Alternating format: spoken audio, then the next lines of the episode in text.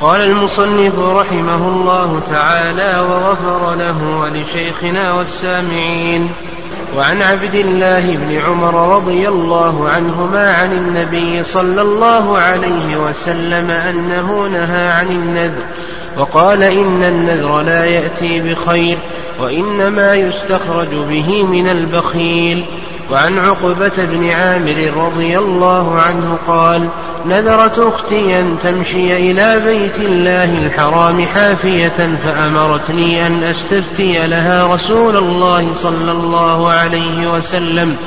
فاستفتيته فقال لتمشي ولتركب. بسم الله الرحمن الرحيم. الحمد لله رب العالمين والصلاة والسلام على نبينا محمد وعلى آله وصحبه أجمعين. نقل المؤلف رحمه الله تعالى في كتابه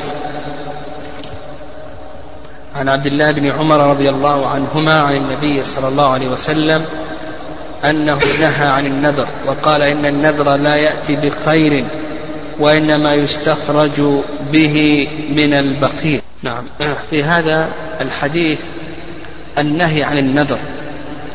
سبق أن تكلمنا على هذه المسألة وذكرنا أن النذر ينقسم إلى قسمين القسم الأول نذر مطلق والقسم الثاني نذر معلق وأن الذي ينهى عنه هو النذر المعلق كان يعلق عبادة من العبادات على حصول منحة أو تفريج كربة محنة.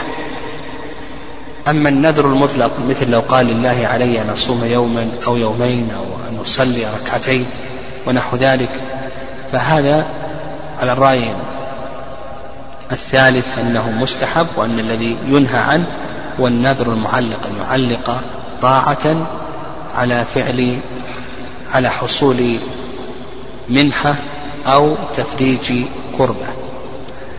قال إن النذر لا يأتي بخير وإنما يستخرج من البخيل. يعني البخيل هذا يعني قول النبي صلى الله عليه وسلم وإنما يستخرج به من البخيل. البخيل هذا الذي لا يقوم بما أوجب الله عز وجل عليه فينذر هذا النذر فيتحتم عليه أن يقوم به. يعني البخيل هذا لا يقوم بالنذر الذي وجب عليه فينذر فيتحتم عليه أن يؤديه فيستخرج هذا بالنذر من هذا البخيل. وفيه أيضا التعليل. يعني فيه التعليل بقول النبي صلى الله عليه وسلم وإنما يستخرج نعم. قوله إنه لا يأتي بخير. نعم. إنه لا يأتي بخير. هذا تعليل الأحكام. والأحكام منها ما جاء تعليله في الشرع ومنها ما لم يأتي تعليله في الشرع. ثم قال المؤلف رحمه الله تعالى عن عقبة بن عامر قال نذرت أختي أن تمشي إلى بيت الله الحرام حافية. حافية غير منتعلة. فأمرتني أن أستفتي لها رسول الله صلى الله عليه وسلم فاستفتيته فقال تمشي ولتركب. في هذا الحديث مسائل.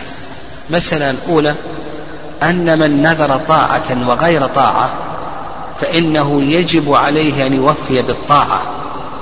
أما غير الطاعة فإنه لا يجب عليه أن يوفي بها. فهذه المرأة نذرت طاعة وغير طاعة.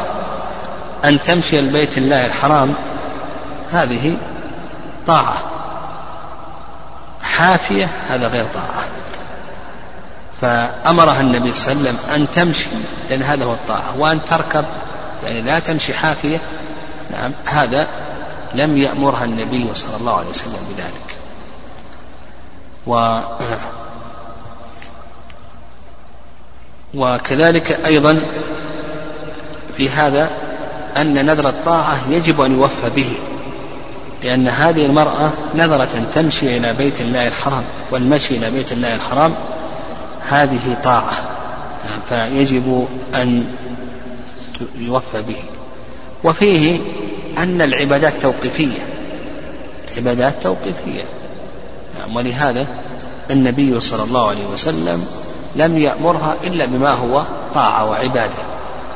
نعم فالأصل في العبادات الحظر الأصل في العبادات الحظر وفي هذا أيضا بيان للعلة من نهي النبي صلى الله عليه وسلم عن النذر. صلى الله عليه وسلم نهى عن النذر لأنه يستخرج به من البخيل ولأنه لا يرد القدر. وأيضا أن الإنسان قد يعجز عن القيام به. يعجز وهذا يحصل كثير. تجد أن بعض الناس ينذر بعض الناس ينذر أنه يصوم كذا وكذا أو أنه يتصدق بكذا وكذا إلى آخره فيعجز عن القيام. فنهى النبي صلى الله عليه وسلم وسلم نهى عن النذر.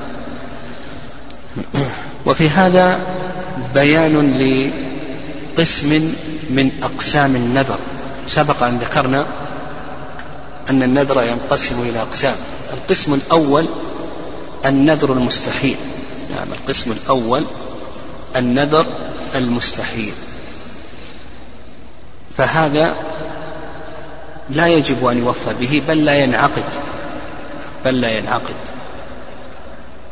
ولا تجب فيه كفارة. القسم الثاني النذر المحرم كما لو نذر معصية من المعاصي. مثل لو قال لله علي نذر أن أشرب الدخان ونحو ذلك. فهذا لا يجب عليه أن يوفي به بالاتفاق لكن هل تجب عليه كفارة؟ أو نقول بأنه لا تجب عليه كفارة؟ المشهور من مذهب الإمام أحمد رحمه الله أنه تجب فيه كفارة. وقد جاء في ذلك حديث عمران بن حصين ورد أيضا عن جمع من الصحابة رضي الله تعالى عنهم. والرأي الثاني وهو قول أكثر أهل العلم أنه لا تجب عليه كفارة لحيث عقبة ابن عامر في صحيح مسلم أن النبي صلى الله عليه وسلم قال كفارة النذر كفارة يمين. قال كفارة النذر كفارة يمين. القسم الثالث نذر الطاعة فهذا يجب أن يوفي به. ونذر الطاعة كما سلف لنا أنه ينقسم إلى قسمين. نعم. القسم الأول أن يكون مطلقا. كما لو قال لله علي أن أصوم يوما أو لله علي أن أتصدق بكذا وكذا إلى آخره. والقسم الثاني أن يكون معلقا.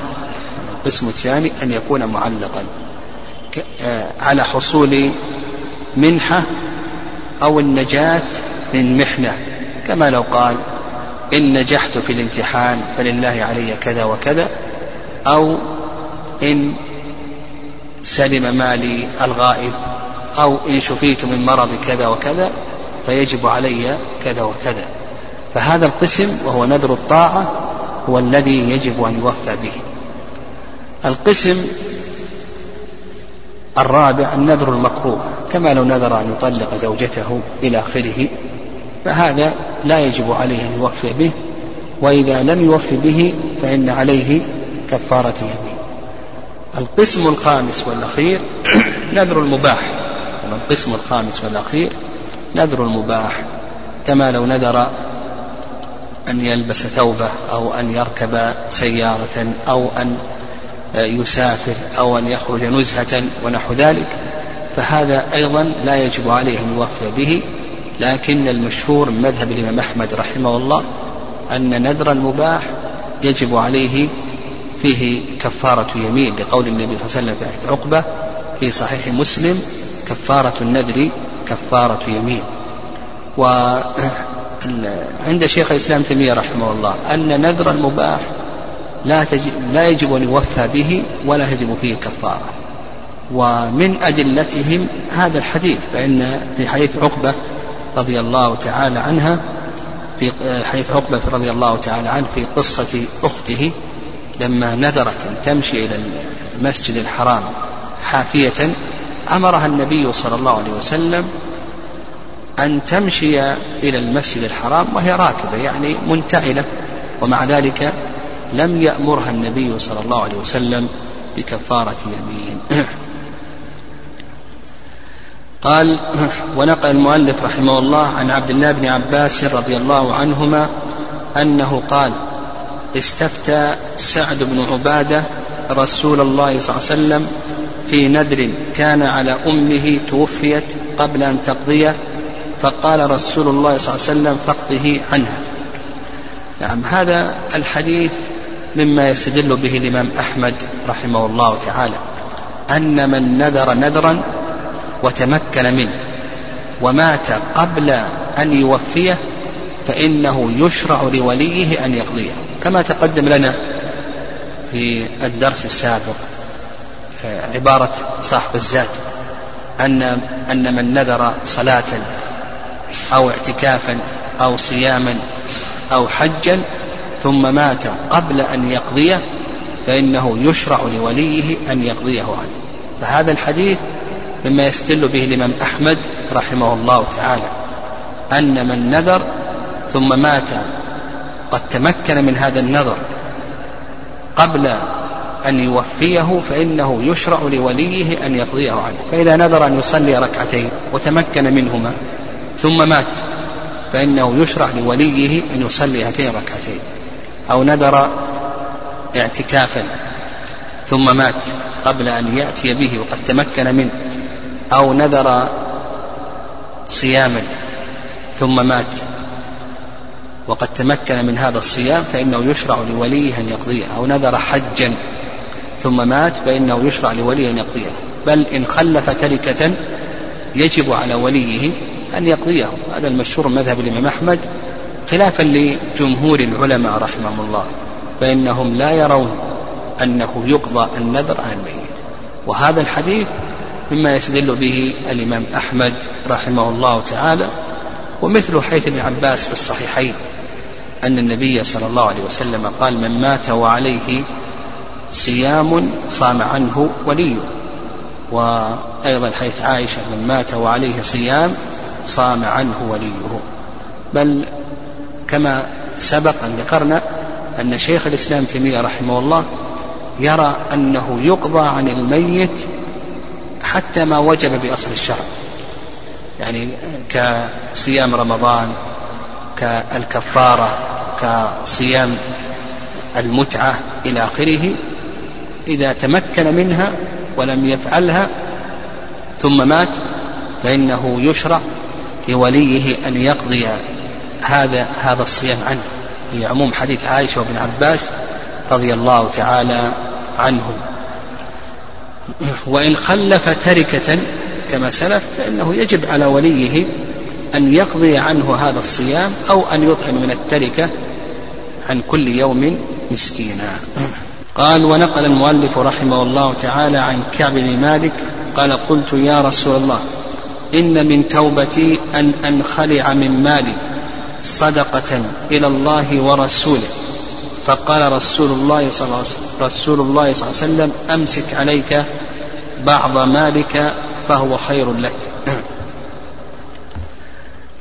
كعب بن مالك رضي الله تعالى عنه تخلف عن غزوة تبوك وخلف أمره وتاب الله عز وجل عليه ولما تاب الله عز وجل عليه نذر رضي الله تعالى عنه أن ينخلع من ماله قال إن من توبتي أن أنخلع من مالي صدقة إلى الله ورسوله نذر إن تاب الله عز وجل عليه أن يتصدق أن يتصدق بماله.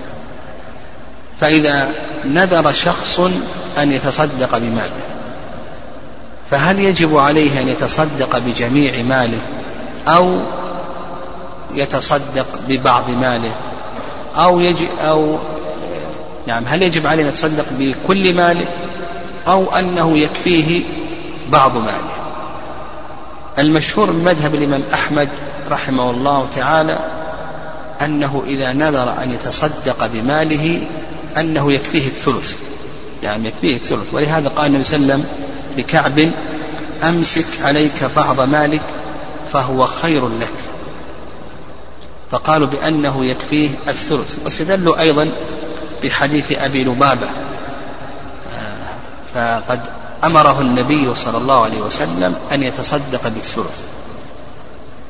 الرأي الثاني الرأي الثاني أنه لا يتقيد ذلك بالثلث وإنما يمسك من ماله ما يكفيه ويكفي أهله. يعني يمسك من ماله ما يكفيه ويكفي أهله. لقول النبي صلى الله عليه وسلم وابدأ بمن تعول. وقوله عليه الصلاة والسلام كفى بالمرء إثما أن يضيع من يقوت فالعلماء رحمهم الله لهم هذان الرأيان. الرأي الأول أنه يكفيه الثلث إذا نذر أن يتصدق بكل ماله والرأي الثاني أنه يتصدق بماله لكن يمسك من ماله ما يكفيه ويكفي من يمونه لما تقدم من قول النبي صلى الله عليه وسلم ابدأ بنفسك ثم بمن تعول وأيضا قول وسلم كفى بالمرء إثما أن يضيع من يقوت وخير الصدقة ما كان عن ظهر غنى وهذا القول هو الأقرب يعني هذا القول هو الأقرب أنه يمسك من ماله ما يكفيه ويكفي أهله. ولأن النفقة هذه لأن ما دام أنه نذر حيث عائشة من نذر أن يطيع الله فليطعه وما دام أنه نذر فالأصل أنه يوفي بالنذر. لكن النفقة الشرعية هذه كالمستثنات. يعني لا تكون داخلة في النذر لأنها أمر واجب فتكون كالمستثنى. وأما حديث أبي لبابة رضي الله تعالى عنه في مسند أحمد فالحديث هذا فيه ضعف. فالأقرب في هذه المسألة وما ذهب إليه أهل الرأي الثاني. والله أعلم وصلى الله وسلم.